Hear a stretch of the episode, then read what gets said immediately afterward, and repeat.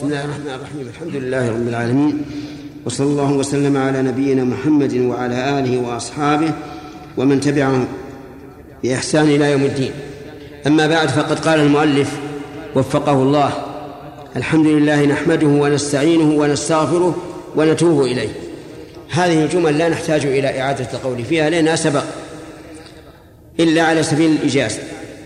فالحمد لله معناه وصف المحمود بالكمال وصف الله تعالى بالكمال مع المحبة والتعظيم.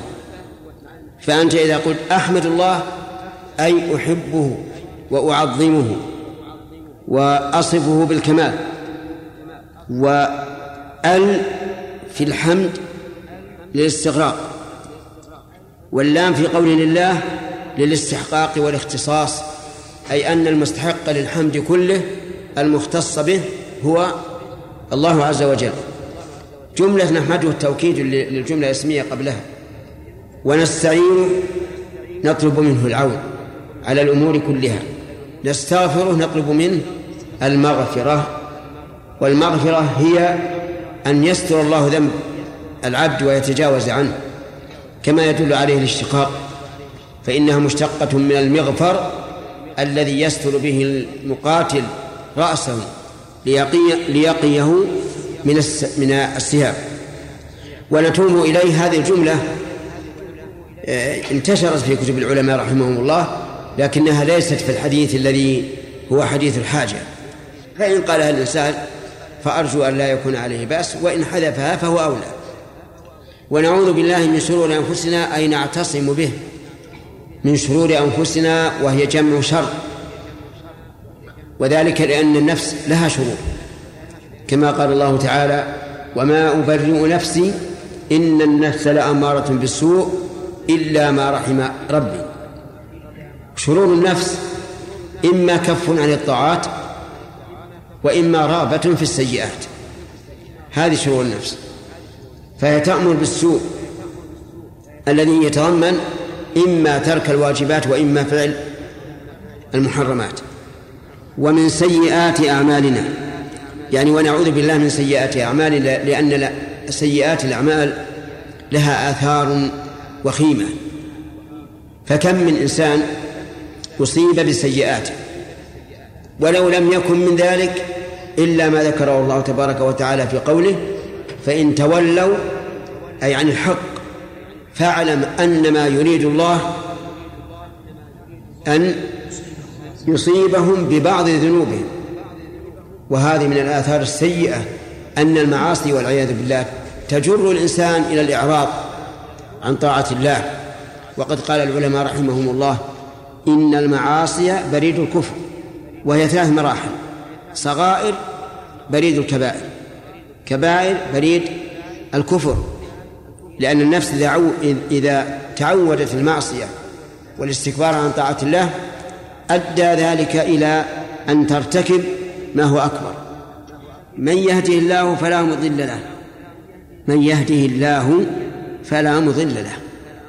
أي من يقدر الله تعالى أن يهتدي فلا أحد يصده عن عن هداية الله. وكذلك من اهتدى فعلا فإنه لا أحد يضله إذا كان الله تعالى قد قدر له الهداية.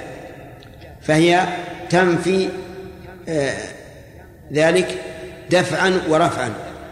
بمعنى أن من قدر الله له الهداية فإنه لا يمكن أحدا أن يضله. هذه واحد.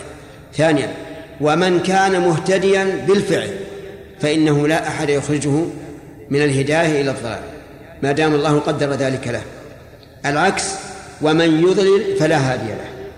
أي من قدر الله تبارك وتعالى أن يكون ضالا فلا هادي له. قال الله تعالى إن الذين حقت عليهم كلمة ربك لا يؤمنون. كمل ولو جاءتهم كل آية حتى يروا العذاب الأليم. اللهم اهدنا فيمن هديت. وهذه العبارة فلا هادي له هي التي جاءت بها السنة.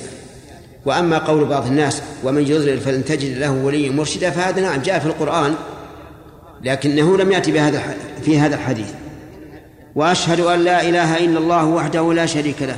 أشهد اعترافا باللسان واعتقادا بالجنان ولا بد من الأمرين في الشهادة. الاعتقاد في الجنان والجنان هو القلب والإقرار في اللسان فلو أقر بلسانه مع إنكار قلبه لم تنفعه الشهادة كما في حال المنافقين. ولو أنه اعتقد في قلبه ولم ينطق بها لسانه دل هذا على أن اعتقاده فاسد وإلا لنطق بها اللسان. فالأول منافق والثاني مستكبر. أشهد ماذا قلنا فيها؟ أقر باللسان وأعتقد بالجنان. أن لا إله إلا الله وحده لا شريك له. لا إله هذه نافية الجنس. تحتاج إلى اسم وخبر. فما هو اسمها؟ اسمها إله. خبرها محذوف. التقدير لا إله حق إلا الله. ولا يصح أن يكون خبرها الله. لأن لا لا تعمل في المعارف. قال ابن مالك رحمه الله عمل إن نجعل للا في نكرة. فلا تعمل في المعارف وعليه فنقول لا بد أن يكون الخبر محذوفا تقديره حق والله بدل منه. والله عالم على ذات الرب عز وجل. لا يسمى به لا يسمى به غيره. وحده لا شريك له التأكيد للنفي والإثبات. فقول وحده تأكيد للإثبات ولا شريك له تأكيد للنفي. وأشهد أن محمدا عبده ورسوله. أشهد نقول فيها ما قلنا في الأولى وهي اعترافا بها في اللسان واعتقادا لها بالجنان أن محمدا هو محمد بن عبد الله الهاشمي القرشي عليه الصلاة والسلام. عبده المتعبد له وليس له من هذه الناحية حق في الربوبية أبدا. قال الله تبارك وتعالى له آمرا إياه قل لا أقول لكم عندي خزائن الله فأرزقكم ولا أعلم الغيب فأقيكم ما في الغيب ولا أقول لكم إني ملك بل أنا بشر. وكذلك قال الله تعالى آمرا إياه قل إني لا أملك لنفسي إيش؟ ضرا ولا رشدا. قل إني لن يجيرني من الله أحد ولن أجد من دونه ملتحدا إلا بلاغا إلا بلاغا هذه استثناء منقطع. يعني لكن ما أقوله بلاغا من الله ورسالاته. ورسوله أي مرسله. إذن هو عبد لا يعبد ورسول لا يكذب. فيجب علينا أن نعتقد أن محمدا رسول الله عبد من عباد الله. بل عبوديته هي أخص العبادة أخص أنواع العبادة عبودية الرسل عليهم الصلاة والسلام. وانظر إلى قوله لما قيل له كيف تفعل هذا؟ وكان يقوم حتى تورم قدماه. وقد غفر الله لك ما تقدم من ذنبك وما تأخر. قال أفلا أكون عبدا شكورا. أفلا أكون عبدا شكورا. عبده ورسوله صلى الله عليه طيب آه، خالف في هذا طائفتان طائفة أو غلت في الرسول صلى الله عليه وعلى آله وسلم حتى أوصلته إلى حد الربوبية. يستغيثون به ويدعونه ويعتقدون أن له تدبيرا في الكون. والثانية بالعكس آه، كذبت رسالته وقالت إنه ساحر مجنون كذاب كاهن. أما نحن فنقول إنه عبد الله ورسوله صلى الله عليه وعلى آله وأصحابه ومن تبعهم بإحسان إلى يوم الدين. صلى الله عليه. هذه جملة خبرية لكنها بمعنى إيش؟ بمعنى الدعاء. فأنت إذا قلت صلى الله عليه فكأنما تقول اللهم صل عليه. وصلاة الله عليه هي عند كثير من العلماء ثناؤه على الله على عبده في الملأ الأعلى. يعني يرفع ذكره في الملأ الأعلى ويثني عليه. وهي أيضا تتضمن رحمة خاصة لأنها من الصلة ففيها رحمة أخص من الرحمة العامة عليه وعلى آله وأصحابه ومن تبعهم بإحسان إلى يوم الدين. ذكر ثلاثة, ثلاثة الآل والأصحاب والأتباع. فإذا ذكرت الثلاثة وجب أن تفسر الآل بأنهم المؤمنون من قرابته مثل علي بن أبي طالب حمزة بن عبد المطلب العباس بن عبد المطلب بن عباس وأمثاله. وإذا نعم وأصحابه جمع صح وهم الذين اجتمعوا بالرسول صلى الله عليه وعلى آله وسلم مؤمنين به وماتوا على ذلك. ولا يشترط على القول الصحيح لا يشترط طول الصحبة بل متى اجتمع به أقل اجتماع. وهو مؤمن به فهو صاحب. وهذه من خصائص النبي صلى الله عليه وعلى آله وسلم. لأن غير النبي لا يسمى صاحب مصاحبه صاحبا إلا مع طول الصحبة. ومن تبعهم بإحسان. لم يقل من تبعهم فقط بل قيد. من تابع من تبعهم بإحسان. كما قيد الله ذلك في قوله والسابقون الأولون من المهاجرين والأنصار والذين اتبعوهم بإحسان. ولا بد من هذا القيد لأن كثيرا من الناس يقولون إنهم متبعون ولكن لم يحسنوا المتابعة. إما زادوا وإما نقصوا. وسلم تسليما كثيرا. سلم تسليما كثيرا. ما في لا. وسلم تسليما أكد الفعل بالمصدر. سلمهم أي وقاهم من الأذى والضرر. وعليه. ففي الصلاة حصول المطلوب وفي السلام إيش؟ زوال المكروه.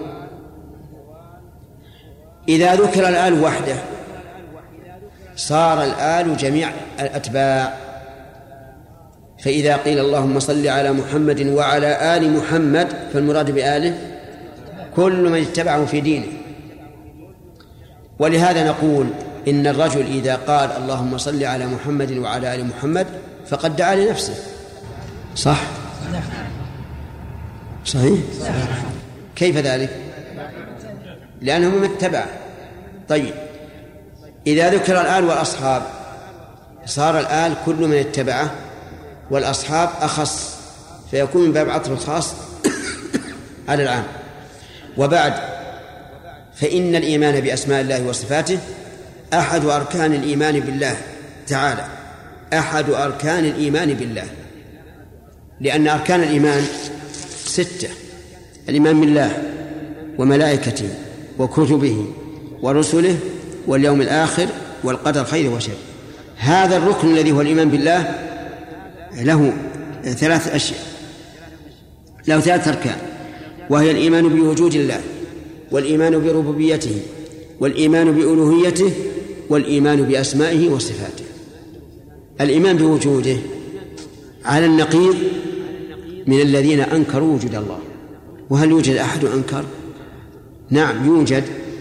أناس يدعون أن الله سبحانه وتعالى لا وجود له وأن هذه الطبيعة طبيعة تتفاعل وتتكون بنفس نفس بنفسها. وليس لها مدبر.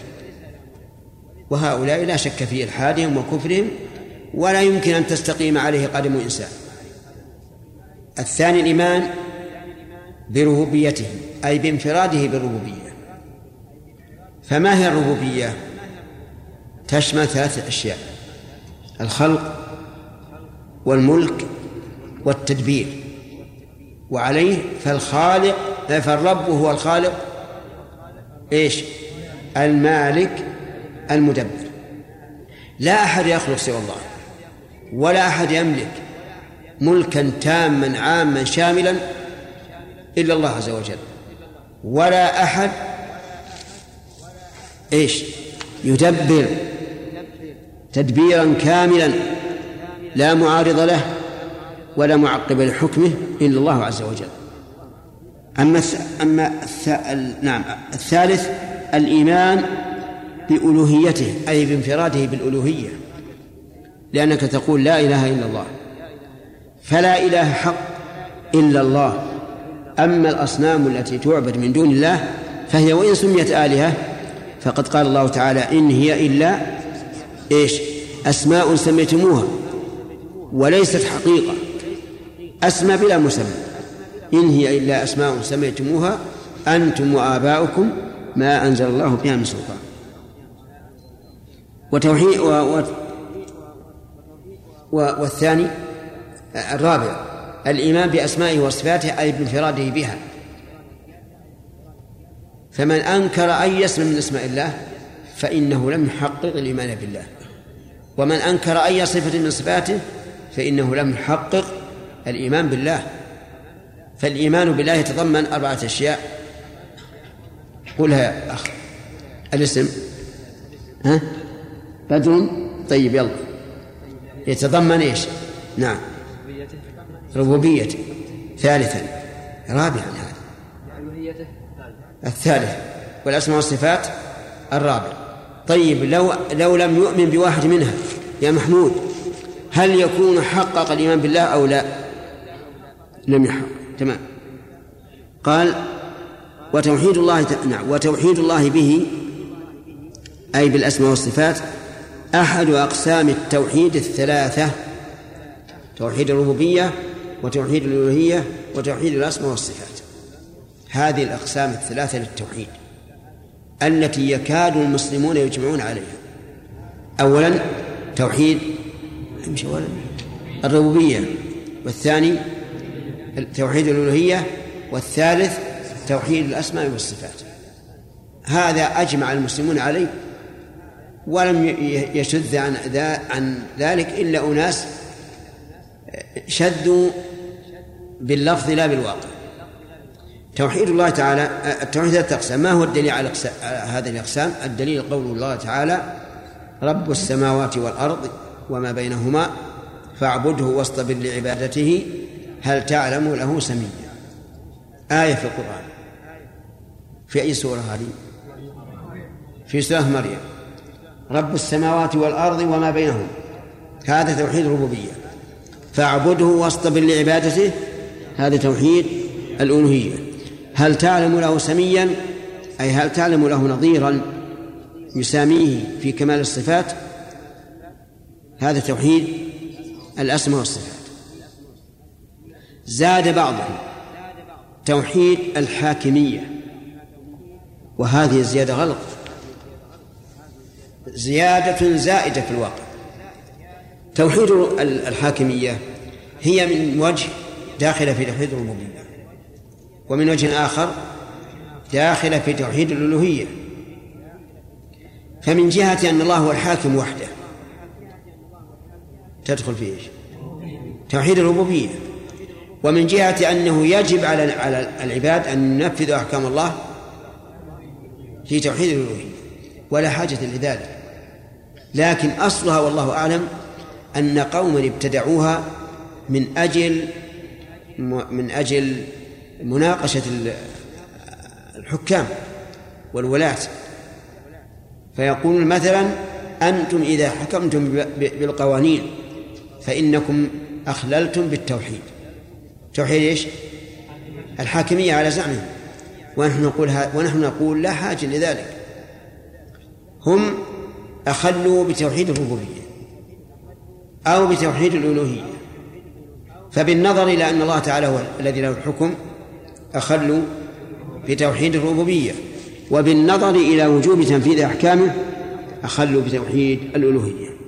زاد بعضهم شيء آخر قال توحيد المتابعة. هذا غلط أشد من الأول. توحيد المتابعة لا يتعلق بتوحيد الله لأنه يتعلق بالنبي صلى الله عليه وعلى آله وسلم أن لا نتابع أحدا سواه. وعليه فلا حاجة لذكره لأن اتباعنا لرسول الله صلى الله عليه وعلى آله وسلم من توحيد الألوهية بالنسبة لله. أما بالنسبة للرسول صلى الله عليه وعلى آله وسلم فنعم يجب علينا أن نوحده بالمتابعة وأن لا نسلك طريقا سوى طريقه لأن كل بدعة ضلالة. فلنستقر ولنطمئن أنفسنا على أن أقسام التوحيد ثلاثة. دل عليها القرآن وكاد يجمع عليها أهل العلم. الأول الاسم. يحيى. نعم. الأول ثم الأسماء والصفات. طيب. أي أقسام التوحيد كم؟ ها؟ ثلاثة أقسام. وهي؟ تمام. قال قال قال المؤلف فمنزلته في الدين عالية. يعني منزلة الإيمان بالله بأسماء الله وصفاته عالية وأهميته عظيمة. ولا يمكن أحدا أن يعبد الله على الوجه الأكمل حتى يكون على علم بأسماء الله تعالى وصفاته ليعبده على بصيرة. قال الله عز وجل ولله الأسماء الحسنى فادعوه بها. انتبه. لله الأسماء الحسنى. تقديم الخبر يدل على الحصر. لله لا لغيره الأسماء الحسنى يدل على أن جميع أسمائه حسنى. وحسنى اسم تفضيل مؤنث مذكره أحسن. أي أي الحسنى التي ليس فوقها شيء في الحسن غير الله. أسماؤه. إيش قد تكون حسنى وقد تكون غير حسنى. وقد لا يكون لها معنى.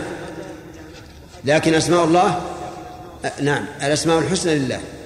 ثانيا قول الحسنى يدل على أنه لا يمكن أن يكون في أسماء الله أي احتمال لنقص أي احتمال لنقص. لأنه, لأنه لو كان في احتمال نقص ما كانت حسنى.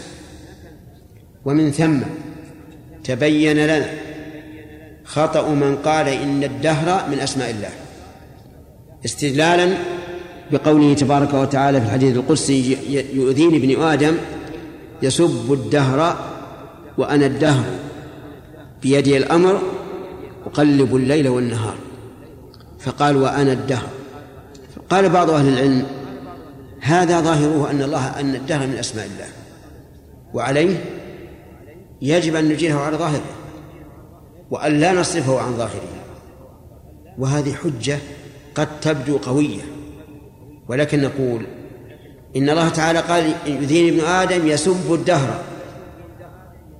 يسب الدهر ولم يقل يسبني. قال يسب الدهر. وابن آدم الذي يسب الدهر ليس يسب الله بل يسب الزمن. يقول هذا زمن نكد هذه سنة فيها كذا وكذا يذمها وعليه فيتعين أن يكون معنى قوله وأنا الدهر أي أنا مصرف الدهر مصرف الدهر بدليل قوله أقلب الليل والنهار وهذا واضح. فصار الآن أسماء الله تعالى كلها حسنى. إيش؟ أي على أكمل ما يكون من الحسن. لأن حسنى اسم تفضيل مذكره أحسن. فادعوه بها ألف هذه للتفريع. فادعوه بها أي بهذه الأسماء. وهذا يشمل دعاء المسألة ودعاء العبادة. فدعاء المسألة أن تقدم بين يدي مطلوبك من أسماء الله ما يكون مناسبا مثل أن تقول يا غفور اغفر لي ويا رحيم ارحمني ويا حفيظ احفظني ونحو ذلك. ودعاء العبادة طيب هذا دعاء المسألة أن تجعلها وسيلة أن تجعل أسماء الله وسيلة سواء قدمتها على الطلب أو أخرتها عنه. فقوله صلى الله عليه وعلى آله وسلم لأبي بكر فيما علمه فاغفر لي مغفرة من عندك وارحمني إنك أنت الغفور الرحيم. هذا قدم على الطلب أو أخر؟ الأخ؟ نعم. فاغفر لي مغفرة من عندك وارحمني إنك أنت الغفور الرحيم. هل قدم الاسم على الطلب أو أخر وين الطلب؟ وين الاسم؟ قدم ولا أخر قدم الاسم على الطلب ولا أخر ها؟ أخر تمام. طيب إذا قلت يا غفور اغفر لي أيهما قدم الاسم؟ طيب واضح يا جماعة؟ إذن دعاء الله تعالى بها بالمسألة إما أن تقدمها تقدم الأسماء وتأتي بالمطلوب أو تقدم المطلوب وتأتي بالأسماء. يشمل هذا وهذا. ودعاء العبادة أن تتعبد لله بمقتضى هذه الأسماء. أن تتعبد لله بمقتضى هذه الأسماء. فإذا علمت أنه تواب تسعى في التوبة. أجب يا رجل. نعم تسعى في التوبة. لأنك تعلم أنه تواب. ولذلك وضرب مثلا فتقوم بالتوبة إليه لأنه تواب. وتذكره بلسانك لأنه السميع وتتعبد له بجوارح لأنه البصير. وتخشاه في السر لأنه اللطيف الخبير. وهكذا. مثلا أن تعلم أنه من أسماء الله التواب. فما مقتضى هذا العلم؟ أن أن تتوب إليه. لأنه تواب. لا تيأس. تعلم أنه سميع. مقتضى هذا العلم أن تتجنب كل قول لا يرضاه الله عز وجل. فإن لم تفعل كان إيمانك بالسميع إيش؟ ناقصا. يعني مثلا تعلم أن الله تعالى يسمع كل ما تقول ثم تذهب تغتاب الناس وقد نهاك الله عز وجل. فهل أنت قد حققت الإيمان بأنه سميع؟ لا. لأنك لو حققته لتجنبت ما يغضبه. البصير تؤمن بأنه بصير يرى كل شيء. هل لو فعلت ما لا يرضاه هل تكون محققا للإيمان بأنه بصير؟ لا. إذن أن تتعبد لله بمقتضى هذه الأسماء ومقتضاها ما يتضمنه معناه يقول مثل أن تقول يا غفور لا. نعم. وتذكره بلسانك لأنه السميع. تقول لا إله إلا الله. لأنك تؤمن بأن الله يسمع. طيب. ومن أجل منزلته هذه ومن أجل كلام الناس فيه بالحق تارة وبالباطل الناشئ عن الجهل أو التعصب تارة أخرى أحببت أن أكتب فيه ما تيسر من القواعد. راجع من الله تعالى أن يجعل عملي خالصا لوجهه موافقا لمرضاته نافعا لعباده. من أجل منزلته في الدين ومن أجل كلام الناس فيه بالحق تارة وبالباطل وبالباطل تارة أخرى. بالحق تارة لا إشكال فيه وبالباطل يقول الناشئ عن عن الجهل أو التعصب تارة أخرى. الكلام بالباطل يا أخوان يعود إلى شيئين إما الجهل إيش؟ أو التعصب. التعصب لنفسك أو التعصب لإمامك أو التعصب لشيخك أو ما أشبه هذا. واضح؟ هذا هو الذي يحمل الإنسان على القول بالباطل. واسمع قول الله عز وجل إنا وجدنا آباءنا على أمة وإنا على آثارهم مهتدون. هذا تعصب. أحببت أن أكتب فيه ما تيسر من القواعد. راجيا من الله تعالى أن يجعل عملي خالصا لوجهه موافقا لمرضاته نافعا لعباده. خالصا لوجهه هذا الإخلاص. موافقا لمرضاته هذا المتابعة. نافعا لعباده هذا هو الأثر المترتب على العمل. وسميته القواعد المثلى وسميته القواعد المثلى في صفات الله وأسمائه الحسنى. يجوز في هذه الجملة القواعد المثلى أن تقول وسميته القواعد المثلى. فتكون جملة القواعد المثلى إلى آخره هي المفعول الثاني لسميت لأنها على تقدير وسميته هذا الاسم. وبناء عليه تكون بالضم ولا ولا بالرفع ولا بالنصب؟ كيف ما رديتوا علي يا جماعة؟ بالضم وبالرفع المعنى واحد. طيب هل تكون بالضم القواعد أو بالفتح؟ إذا أردنا الحكاية وأن تكون الجملة كلها مفعولا ثاني اللي سميت فهي بالضم. أما إذا أردنا تسلط سميت عليها فحينئذ نقول سميت القواعد المثلى في صفات الله وأسمائه الحسنى. المثلى يعني ذات الوصف الجميل. في صفات الله وأسمائه الحسنى. قدمنا الصفات مع أن الاسم سابق على الصفة. من أجل تجانس الوقف المثلى الحسنى. نعم. وتقديم المفضول من أجل هذه المراعاة موجود في القرآن. قال الله عن السحرة في سورة طه آمنا برب هارون وموسى. كل هذا من أجل توافق الفواصل. إن قال قائل ما الفرق بين هذا وبين ما قرأناه من العقيدة الوسطية؟ لأنك إذا لم تجد الفرق صار هذا هذه القراءة إيش؟ تكرارا لما سبق.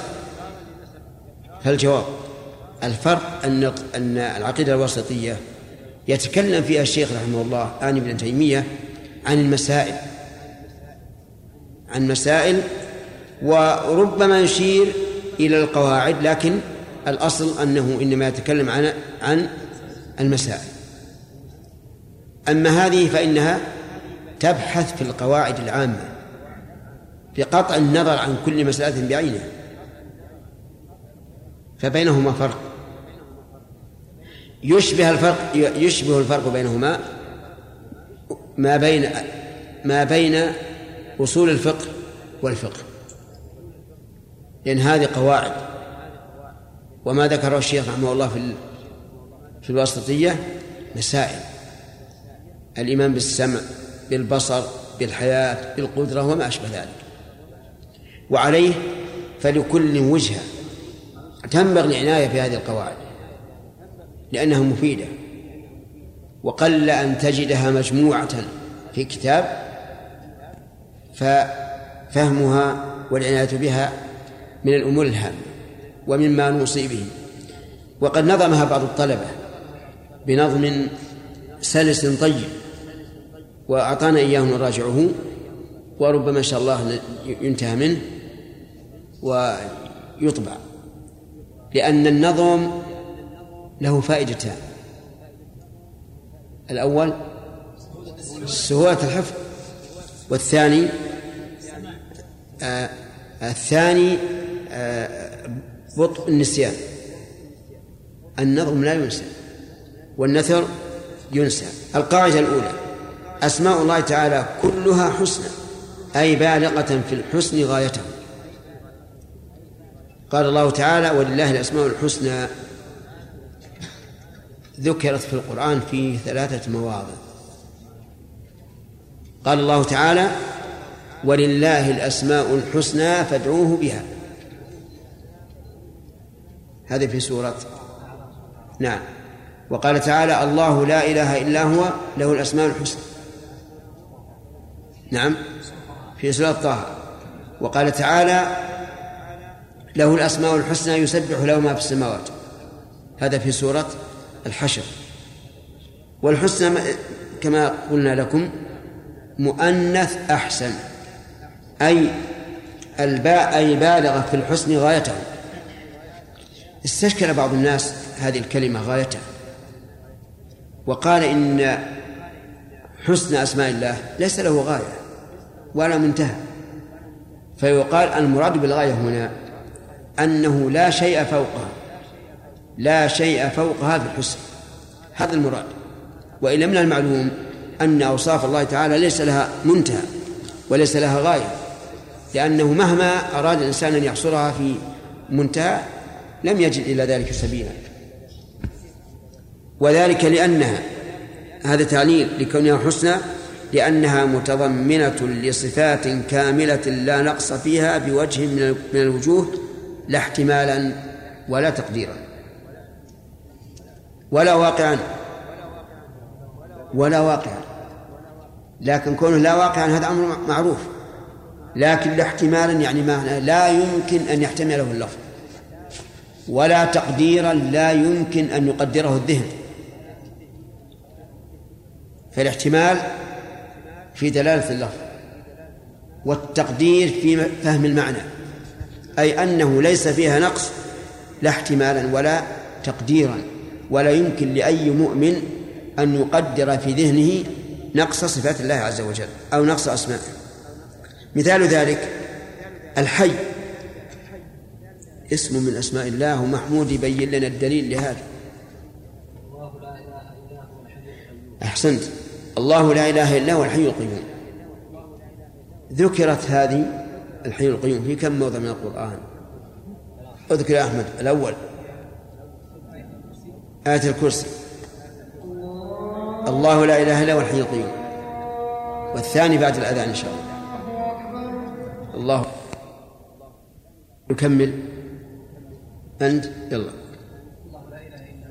في آية الكرسي. وفي آل عمران ألف لام ميم. الله لا إله إلا هو الحي القيوم.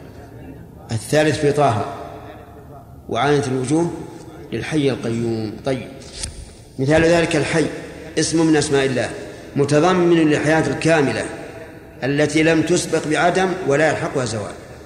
هذا من حيث وجود الحياة.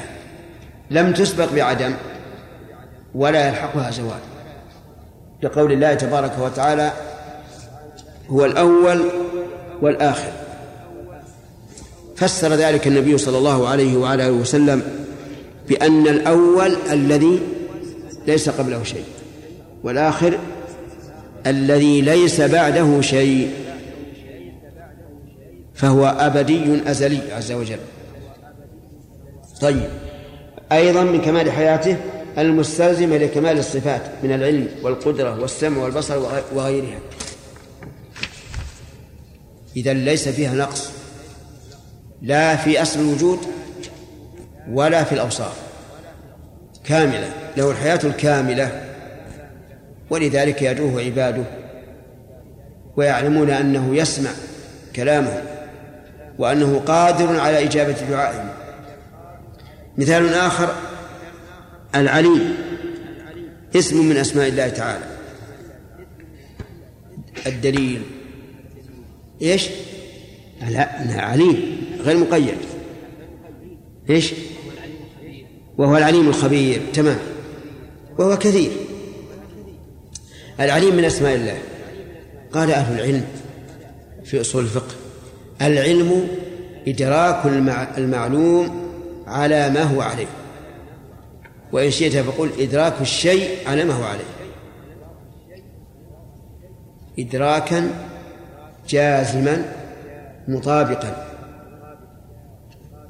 إدراك الشيء على ما هو عليه. إدراكا جازما مطابقا. أفهمت؟ طيب من لم يدرك الشيء أصلا فهو إيش؟ جاهل جاهل ويسمى الجهل البسيط ومن أدركه على غير وجه الجزم بل عنده احتمال فهو إما ظان أو شاك أو واهم أرجو الانتباه. إذا لم يدركه إدراكا جازما فهو إيش؟ إما ظان أو شاك أو واهم كيف هذا التفصيل؟ إذا لم يدركه إدراكا جازما لكن غلب على ظنه. أن الأمر كذا. فهنا نقول هذا ظن. لأن فيه احتمال أن لا يكون. مقابل الظن وهم. يعني الطرف المرجوح يسمى وهما. إذا إذا كان على السواء فهو شك. هذا وهذا تقسيم الفقهاء. وأما في الشرع فالأمر إما شك أو يقين. إما شك أو يقين. ما في تفصيل أفهمت؟ آه طيب. إدراكا جازما مطابقا احترازا من الجهل المركب. الجهل المركب يدرك الشيء لكن لا على غير المطابقة ولنضرب لهذا مثلا.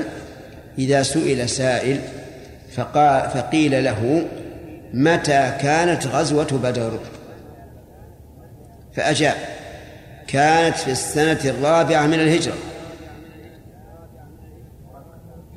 هذا ليس بعلم هذا بل هو جهل مركب. طيب وإذا قال لا أدري فهذا ليس بعلم لكنه بسيط. وإذا قال لا أدري أفي الثانية أم في الرابعة فهذا شك. وإذا قال لا أدري أفي الثانية من الرابعة ويغلب على ظني أنها في الثانية. فهذا ظن والمرجوح وهم. الرب عز وجل علمه محيط بكل شيء. ولهذا يقول متضمن للعلم الكامل الذي لم يسبق بجهل ولا يلحقه نسيان.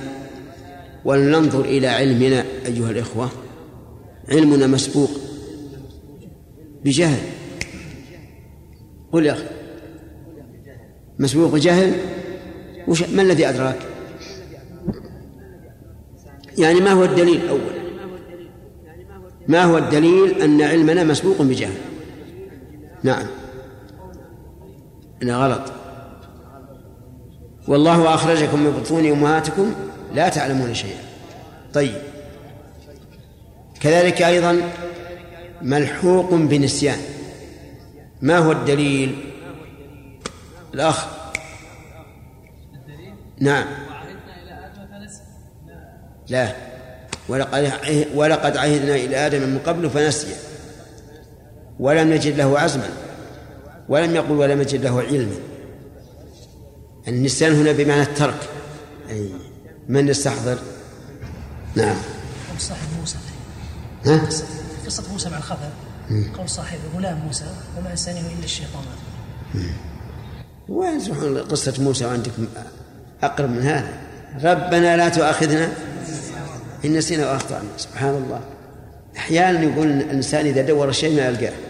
ثم يسقط به بدون طلب. طيب إذا علمنا نحن مسبوق بجهل وملحوق بنسيان أما علم الله فلا. قال الله تعالى علمها عند ربي في كتاب لا يضل ربي ولا ينسى. سبحانه وتعالى الله أكبر. يعلم عز وجل ما كان وما سيكون لو كان كيف يكون. العلم الواسع العلم, العلم الكامل. لأنه لم يسبق إيش؟ بجهل ولا يلحق نسيان العلم الواسع المحيط بكل شيء جملة وتفصيلا. هذا غير الأول. هذاك ينفي حدوث علم الله أو زوال علم الله. لكن يصف بأنه واسع محيط بكل شيء. فينفي قصوره. جملة وتفصيلا. سواء ما يتعلق بأفعاله أو أفعال خلقه قال الله عز وجل وعنده مفاتح الغيب لا يعلمها إلا هو. فمن ادعى علمها فهو كاذب كافر كاذب في دعواه كافر بالله لأن الله يقول قل لا يعلم من في السماوات والأرض غيبا إلا الله. وعنده مفاتح الغيب لا يعلمها إلا هو ويعلم ما في البر والبحر وما تسقط من ورقة إلا يعلمها.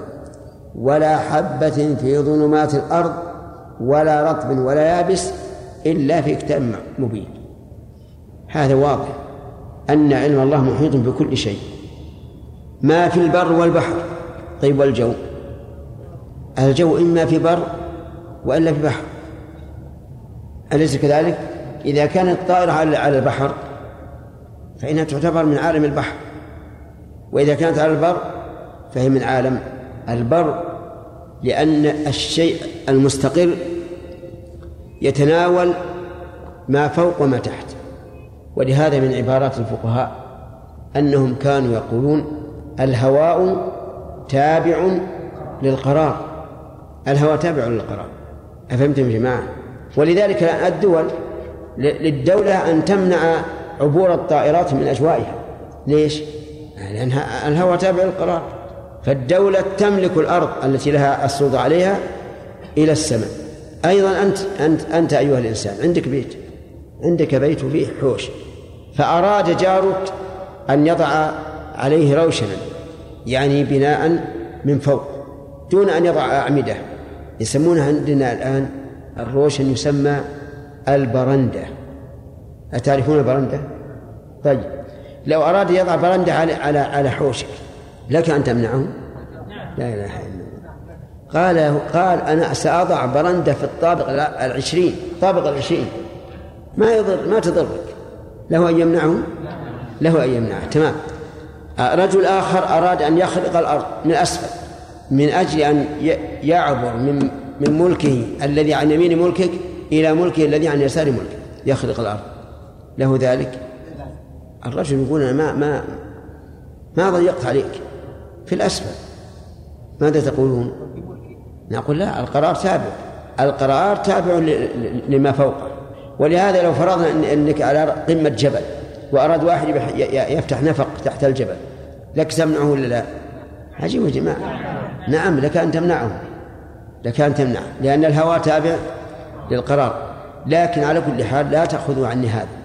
أخشى غدا إذا قال أهل البيوت اللي على قمم الجبال للدولة ما يمكن تفتح نفق حتى تثمن لنا تعطينا قيمة النفق نقول لا لا يمكن هنا لا لا لا يلزم الدولة لأن هذه المصلحة عامة ولا يضر طيب لو أن إنسانا عنده مزرعة كبيرة وأراد الطيارة تعبر من الجو من فوق المزرعة ماذا تقولون؟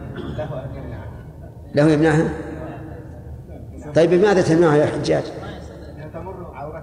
لا لا لا بعيدة بعيدة وين وين عورك؟ لا أنا قصدي هل لك أن تمنعها من حيث الملك؟ بقضى النظر عن المسلم عورة. معورة ها.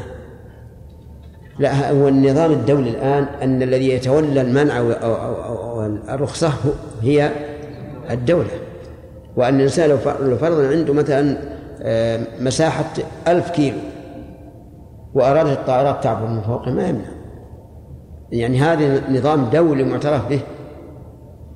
المشكلة تبي تضع على, على سطحك مدافع ضد الطائرات؟ ما يصير هذا. طيب.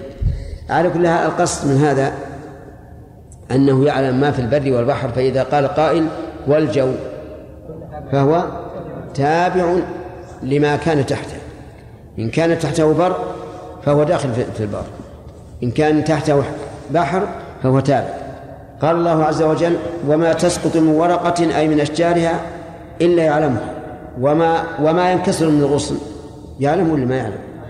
من باب من باب أولى. وما يتخلق فيها من من شجرة هل يعلم أو لا؟ يعلمه من باب أولى. ولا حبة في ظلمات الأرض في ظلمات الأرض. الحبة في ظلمات الأرض جاءت مجموعة في ظلمات الأرض وجاءت حبة نكرة. في سياق النفي المؤكد بمن فيشمل الصغيرة والكبيرة. فليسوي لنا أحدكم حبة في ظلمات الأرض صغيرة. واحد اثنين ثلاثة أربعة. وهي مرت علينا قريبا مرت علينا في العقيدة الوسطية. طيب اليمين لا حبة قمح فيه دون منها وإحنا قلنا من حبة يشمل أصغر حبة. خردل طيب. في في البحر فوق سطحه. ها؟ منغمسة بالطين طيب. هذا الطين. ظلمة البحر يعني الماء.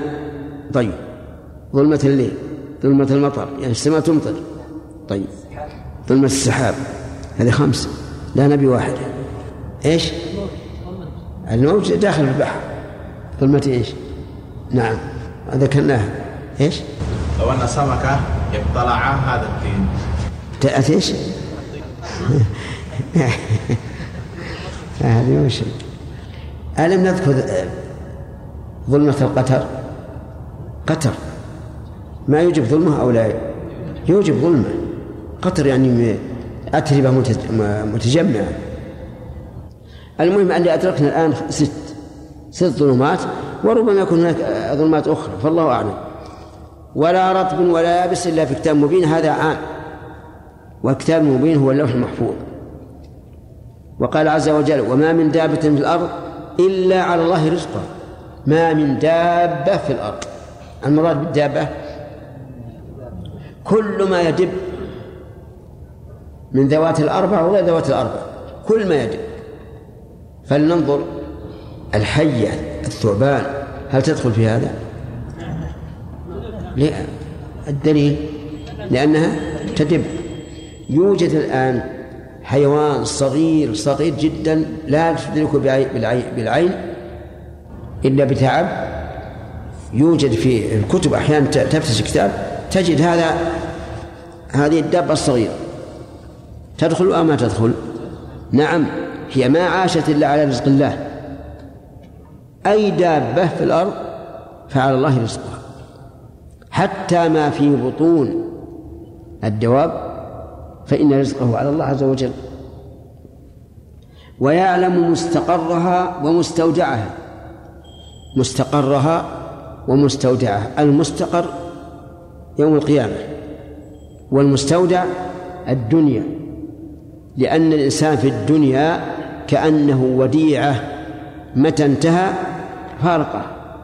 وقوله كل أي كل من هذه الدواب في كتاب مبين. كل في كتاب مبين. والمراد باللوح المحفوظ. وقال عز وجل ويعلم ما في السم... يعلم ما في السماوات والأرض ويعلم ما تسرون وما تعلنون والله عليم بذات الصدور. كل هذا يدل على عموم علم الله عز وجل. طيب ما الذي يقتضيه الإيمان بالعلم؟ وما قلنا تتعبد الله بها بالأسماء. ما الذي يقتضي الإيمان بالعلم؟ يقتضي خشية الله والخوف منه وأن لا تضمر في قلبك أه؟ ما لا يرضاه الله عز وجل. وقال الله تعالى نعم.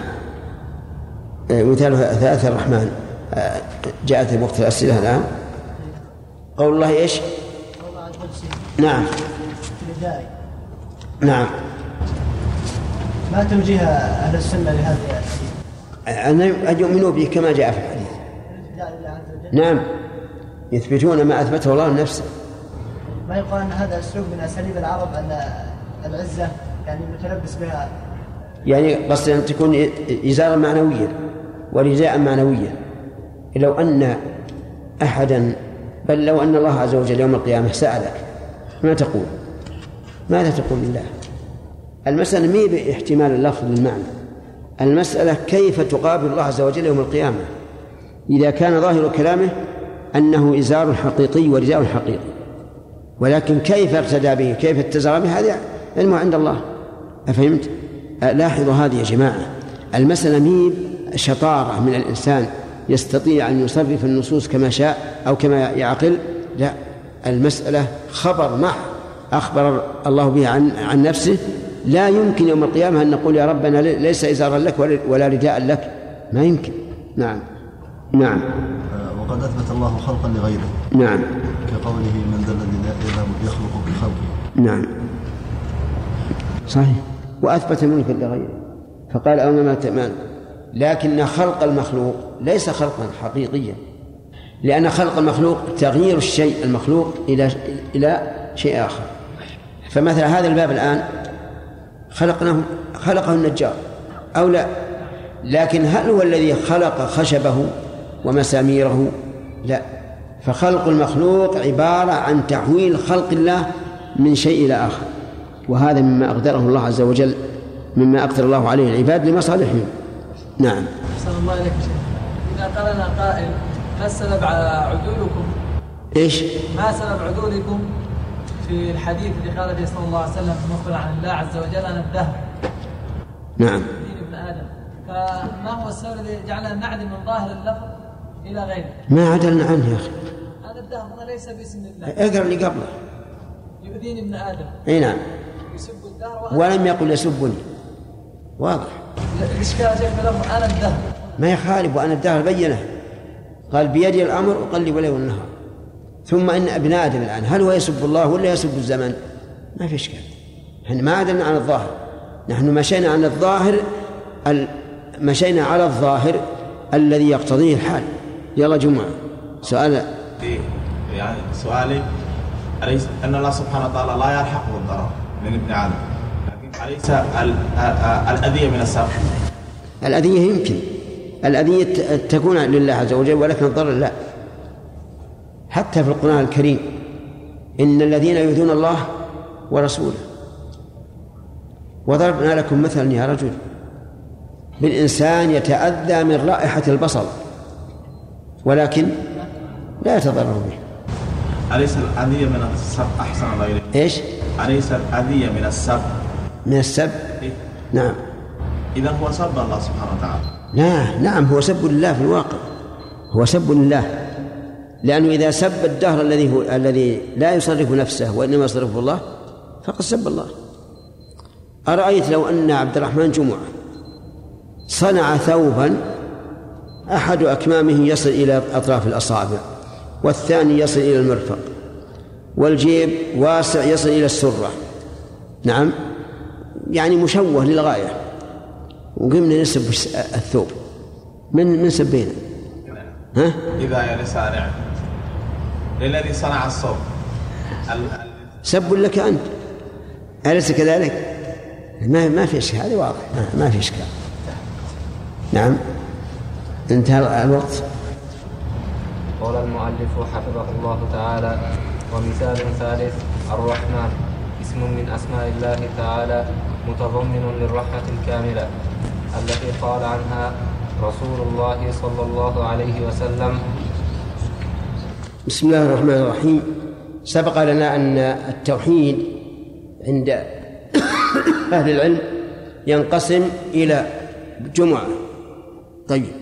ما هو الدليل رب السماوات؟ أحسنت قال بعضهم آه إنها أربعة أقسام. وزاد الأخ محمود توحيد الحاكمية أحسنت. فمن حيث التعلق بالله يدخل في توحيد الربوبية ومن حيث التعلق بالعبد يدخل في توحيد الألوهية. ولا حاجة لهذا. طيب. زاد بعضهم يا صالح بن هارون. نعم توحيد المتابعة. وهذا خطأ لأن المقصود ما يتعلق بالله عز وجل وتوحيد المتابعة متعلق بمن؟ بالرسول صلى الله عليه وعلى آله وسلم ذكرت الأسماء الحسنى لله عز وجل في آه، مواضع من القرآن يحيى عددها آه، الأسماء الحسنى ذكرت في القرآن في عدة مواضع السؤال الله له الأسماء الحسنى أليس كذلك؟ آه، ذكرت في القرآن في ثلاث في كم موضع؟ لا تعالى طيب نعم. في ثلاثة مواضع اسمع أول الأول. الموضع الأول. الأو- الموضع الأول. في سورة. نعم. لا لأن- كل واحد يقول ولا- اسماء الحسنى يكررها ويقول مرات. نعم. الأول آخر واحد. ها؟ سورة الأعراف. ما هي؟ أحسنت. الموضع الثاني؟ إسراء الإسراء. نعم. لا. نعم. سورة طه الله لا إله إلا هو له الأسماء الحسنى. طيب.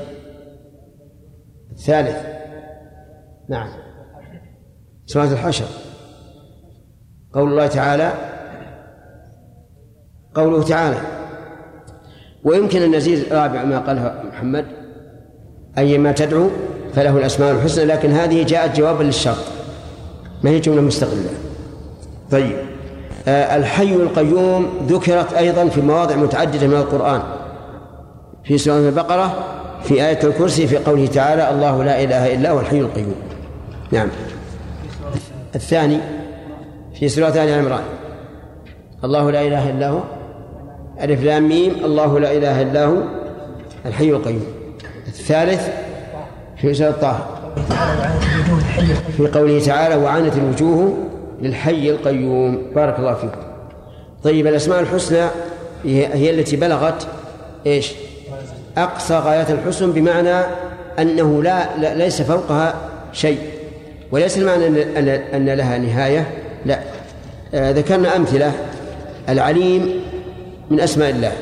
متضمن أحمد. نعم. الواسع. جملة أو تفصيل؟ جملة وتفصيلا. طيب. ما يتعلق بفعلها أو بفعل عب- العباد. في الجميع. طيب بارك الله فيك. الثاني الرحمن. هذا اللي وقفنا عليه. قال ومثال ذلك ومثال ثالث الرحمن. اسم من أسماء الله تعالى لا يسمى به غيره. حتى من حاول أن يتسمى برحمن فإن الله تعالى يذيقه الذل كرحمن اليمامة. الذي تسمى بهذا الاسم لكن صار أذل عباد الله وأخسهم. اسم من أسماء الله تعالى متضمن للرحمة الكاملة الواسعة. الكاملة في نوعها الواسعة في شمولها. الكاملة التي قال التي قال عنها رسول الله صلى الله عليه وعلى آله وسلم لله أرحم بعباده من هذه من هذه بولدها لله. اللام هذه لام الابتداء وهي اللام التي تدخل على الابتداء على المبتدأ توكيدا. وعلى هذا فإذا قلت لزيد قائم أوكد من إذا قلت زيد قائم. هذه اللام للتوكيد فإذا جاء حرف آخر يؤكد أبين منها وأظهر. زحلقها عن مكانها. وقال ما هذا مكانك فدرجي؟ أو ما هذا عشك فدرجي؟ إذا جاءت إن فإنها تزحزحها. مثاله قلت لزيد قائم اللام للابتداء وهي للتوكيد. إذا جاءت إن تقول إن زيدا لقائم ولا تقول إن لزيدا قائم. إذا لا يجتمع مؤكدان في مكان واحد. فلهذا آه، ننقل اللام إلى الخبر فنقول إن زيدا لقائم قوله صلى الله عليه وعلى آله وسلم لله أرحم بعباده من هذه بولدها اعلم أن بعض العلماء رحمهم الله يتحرزون من كلمة أعلم بالنسبة لله عز وجل. فيفسرون أعلم وهو اسم تفضيل بفاعل باسم الفاعل. كلام مفهوم ولا غير مفهوم؟ ها؟ واضح؟ يعني مثلا يقولون الله أعلم حيث يجعل رسالته. يقول ليست أعلم على بابها أي التفضيل ولكنها بمعنى عالم.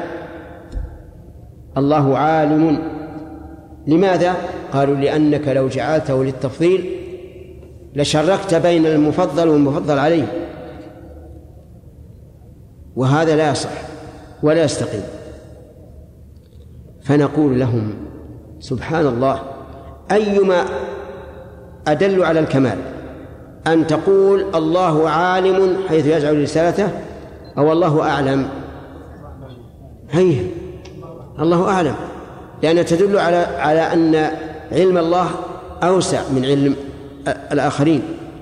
أما إذا قلت الله عالم فهذا وصف يشترك فيه الخالق والمخلوق على حد سواء. فانظر كيف كانت هذه العقول الفاسدة تحرف الكلمة عن مواضعه وتقع في شر مما فرت منه.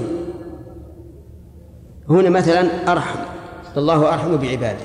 يقول ما يمكن تقول أرحم اسم تفضيل. لو قلت كذلك لكان لازم من ذلك اشتراك المفضل والمفضل عليه في أصل الصفة. إذن أرحم بمعنى راحم. طيب.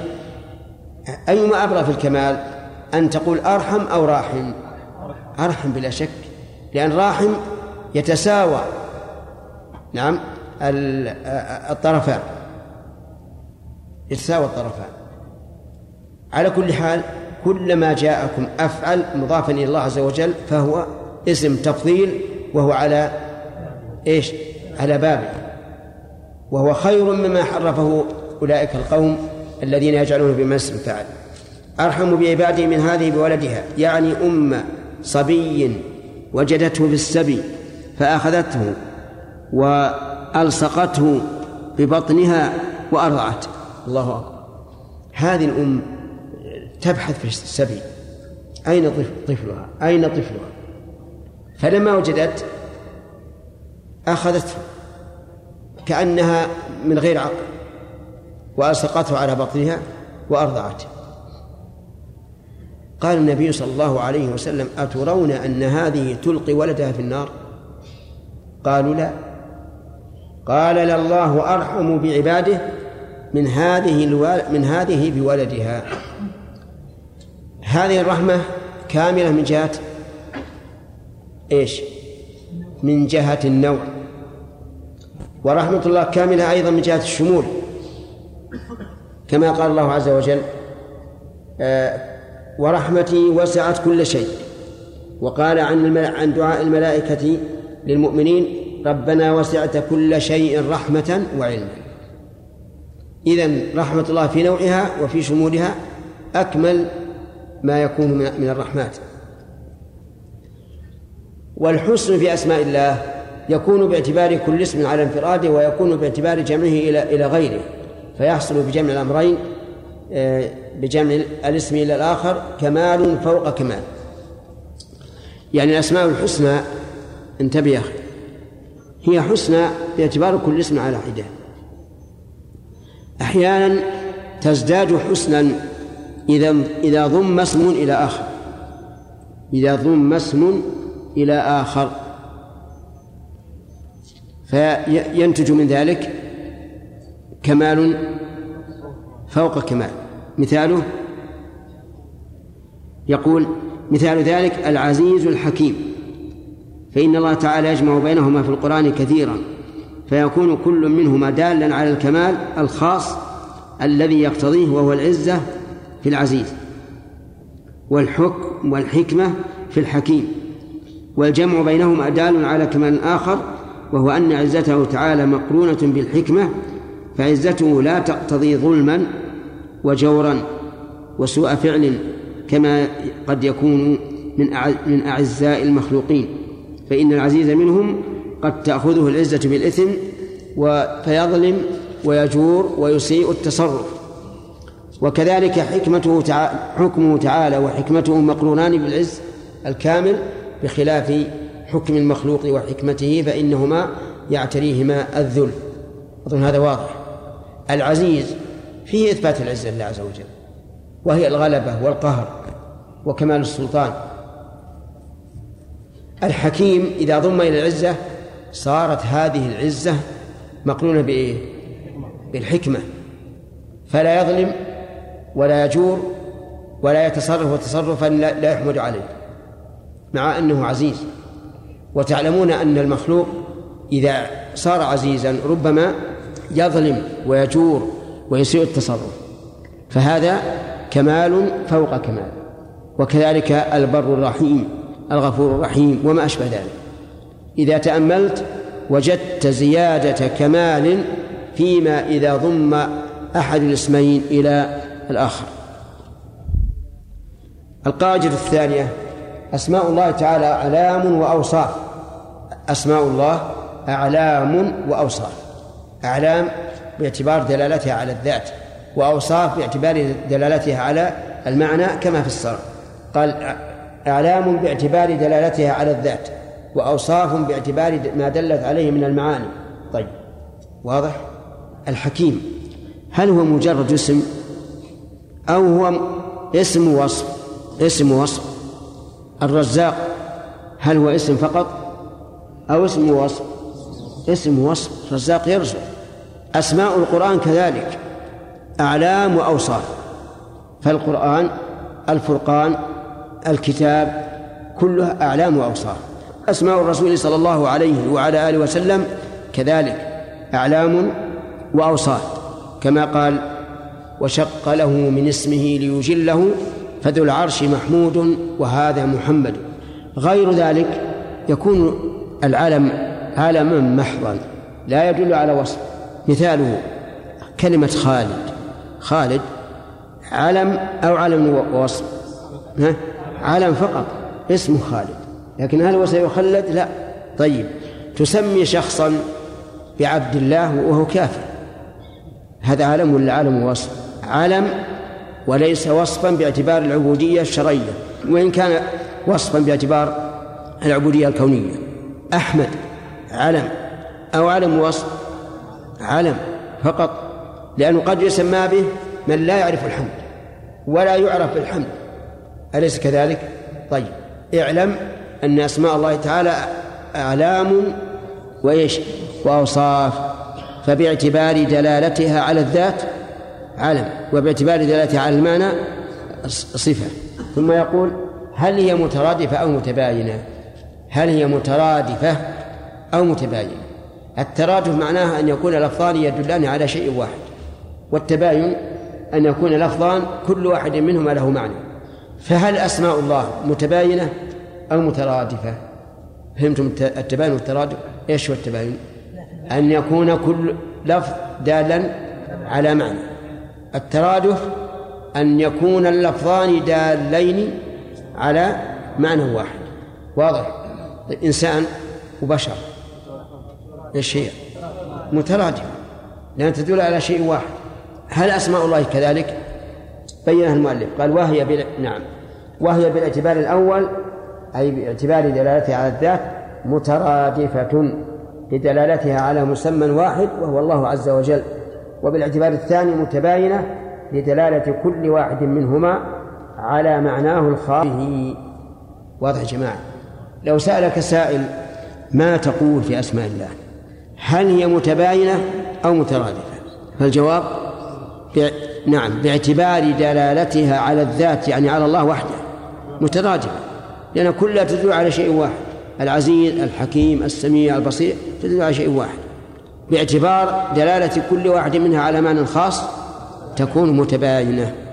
وهذه الأمثلة يقول المؤلف فالحي العليم القدير السميع البصير الرحمن الرحيم العزيز الحكيم كلها أسماء لمسمى واحد وهو الله.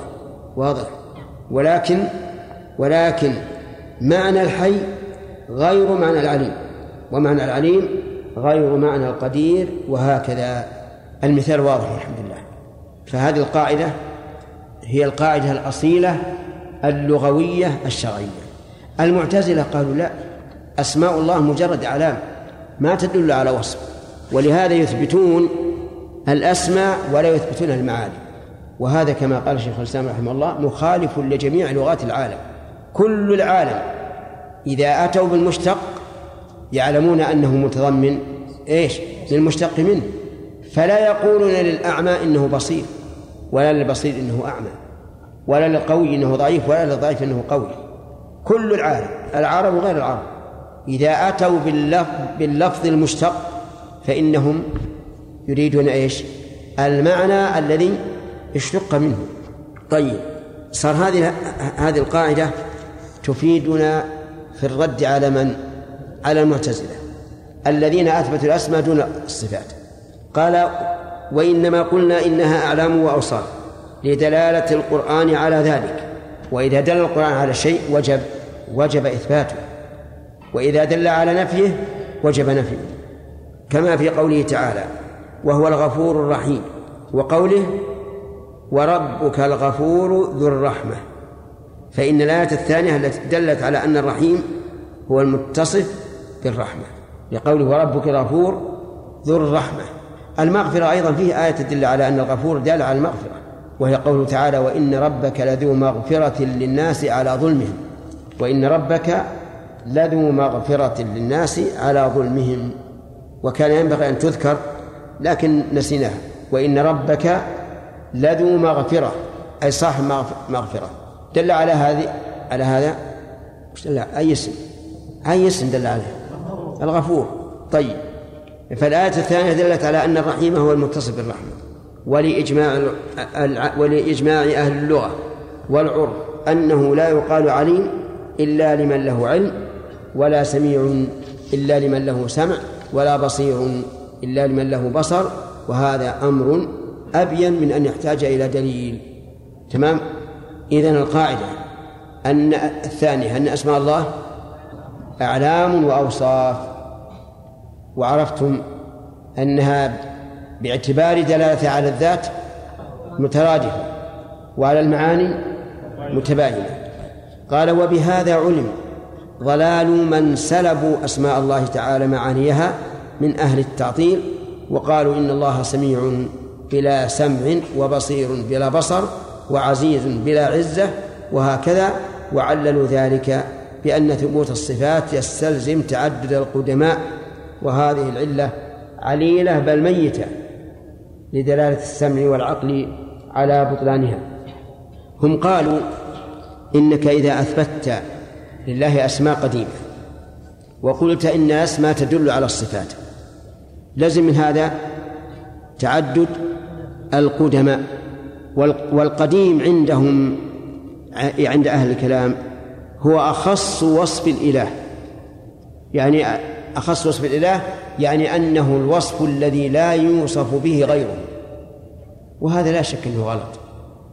القديم ليس أخص وصف الله لأنه يوصف به غير الله كما قال عز وجل حتى عاد كالعرجون القديم أخص وصف الله ما لا يسمى به غيره كرب العالمين خالق كل شيء وما أشبه هذا وهل يلزم من قولنا بأن الأسماء المتضمنة للصفات تعدد القدماء؟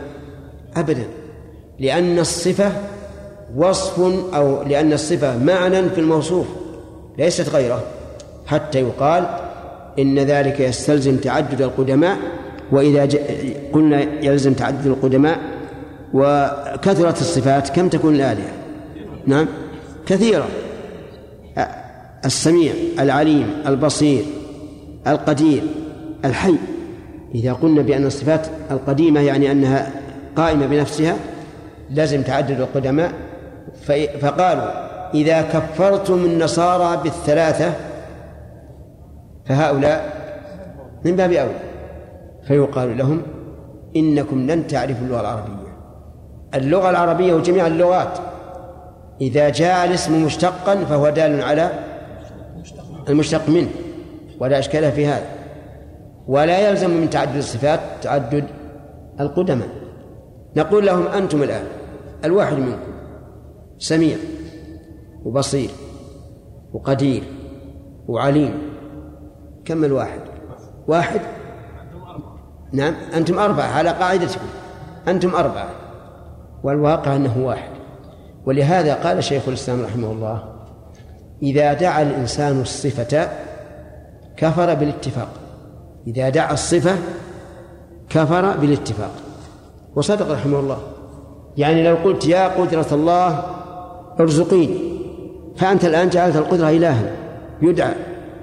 وهذه خارج عن البحث هذا لكن مهمة. فإن قال قائل أليس الله أليس من الدعاء الوارد؟ اللهم برحمتك أستغيث. برحمتك أستغيث. فأضاف الاستغاثة إلى الرحمة وهي صفة فيقال إن هذا من باب التوسل يعني أني أسألك أن تغيثني لأنك رحيم. هذا معناه الذي لا لا يشك فيه. طيب آه نرجع إلى الكتاب. قال وهذه العلة عليلة بل ميتة لدلالة السمع والعقل على بطلانها. السمع يقول بحاشية هو القرآن والسنة. وسيمر بك هذا وسيمر بك هذا التعبير كثيرا فانتبه له دلالة السمع على ذلك أن الله تعالى قال وربك الغفور ذو الرحمة وقال وإن ربك لذو مغفرة للناس على ظلمهم وأثبت لنفسه علما ولم يلزم من هذا أن يتعدد الإله بل هو إله واحد. دلالة العقل عليها على أن على أنها باطلة أن تعدد الصفات لا يلزم منه تعدد الموصوف. فها هو الإنسان يوصف بأنه حي عليم قدير قوي سميع بصير ومع ذلك هو هو واحد. قال أما السمع السمع. فإن الله تبارك وتعالى وهذه العلة عليلة. وش معنى عليلة؟ يعني مريضة. بل ميتة ما فيها رجع ولا حراك. أما السمع فلأن الله تعالى وصف نفسه بأوصاف كثيرة مع أنه الواحد الأحد.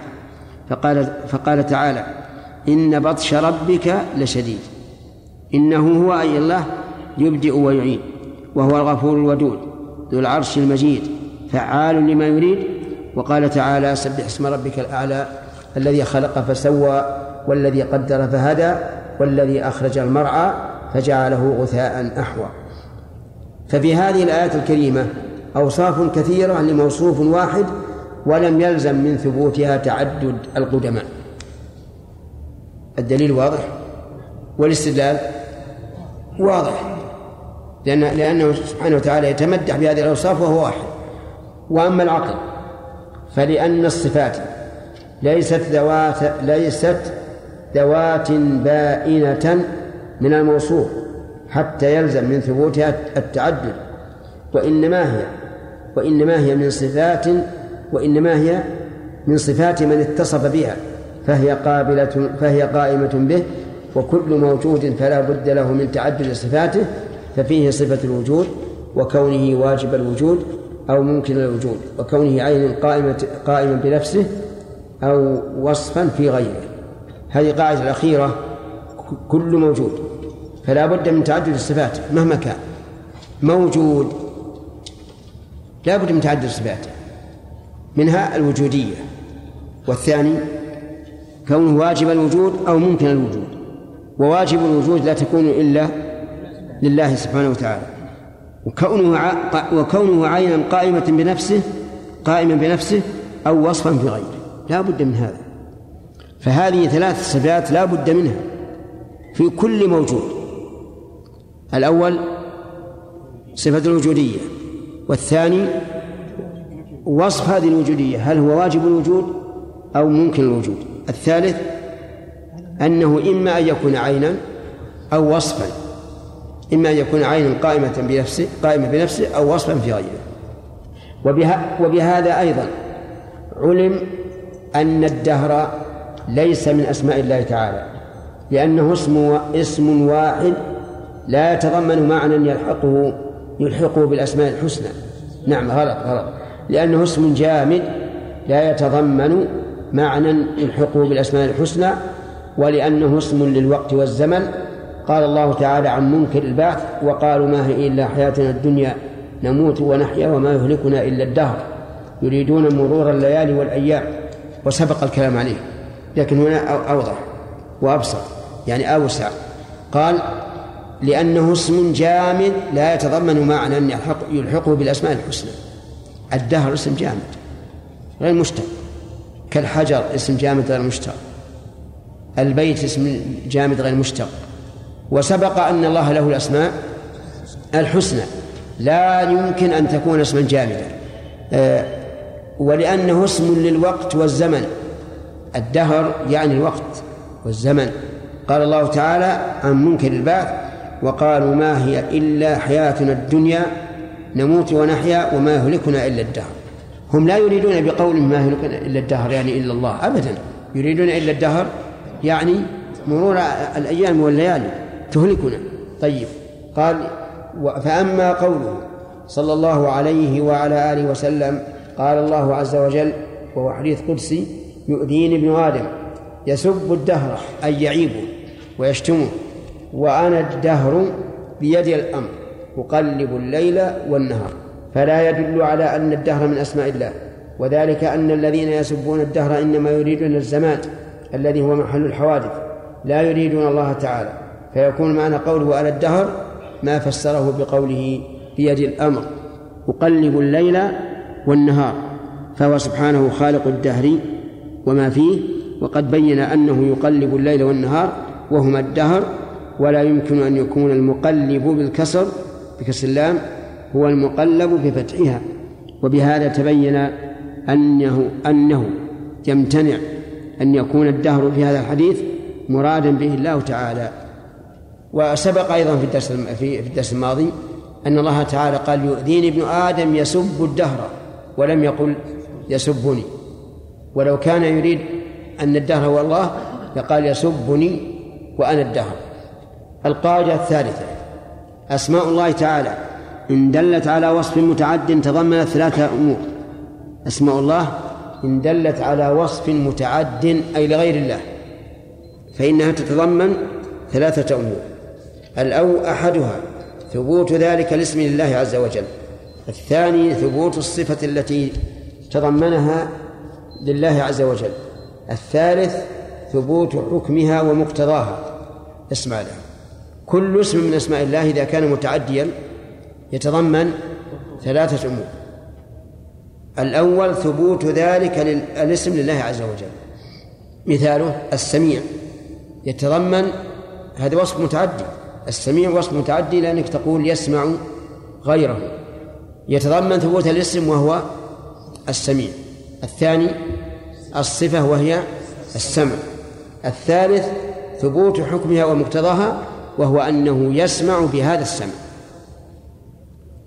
يسمع بهذا السمع. إذا لم تؤمن بهذه الأمور الثلاثة فأنت لم تؤمن بالأسماء. لابد أن تؤمن بهذه بهذه الأسماء بهذه الأمور الثلاثة. طيب ولهذا استدل أهل العلم على سقوط الحد عن قطاع الطريق بالتوبة. استدلوا على ذلك بقوله تعالى إلا الذين تابوا من قبل أن تقدروا عليهم فاعلموا أن الله غفور رحيم لأن مقتضى هذين الاسمين أن يكون الله تعالى قد غفر لهم ذنوبهم ورحمهم بإسقاط الحد عنهم. قطاع الطريق هم الذين يعرضون للناس في الطرقات معهم سلاح ويغصبونهم المال يقول أعطني مالك. هؤلاء قطاع الطريق وسموا قطاع الطريق لأنهم يقطعون الطريق. أي إنسان يريد أن يتجه مع هذا الطريق وفي هؤلاء فإنه يحجم ولا يقدم. هؤلاء ذكر الله عقوبتهم بأن تقطع أيديهم وأرجلهم من خلاف أو ينفوا من الأرض. إيش بعده؟ أو نعم قبله أن يقتلوا أو يصلبوا أو تقطع أيديهم وأرجلهم من خلاف أو ينفوا من الأرض. ثم قال إلا الذين تابوا من قبل أن تقدروا عليهم فاعلموا أن الله غفور رحيم.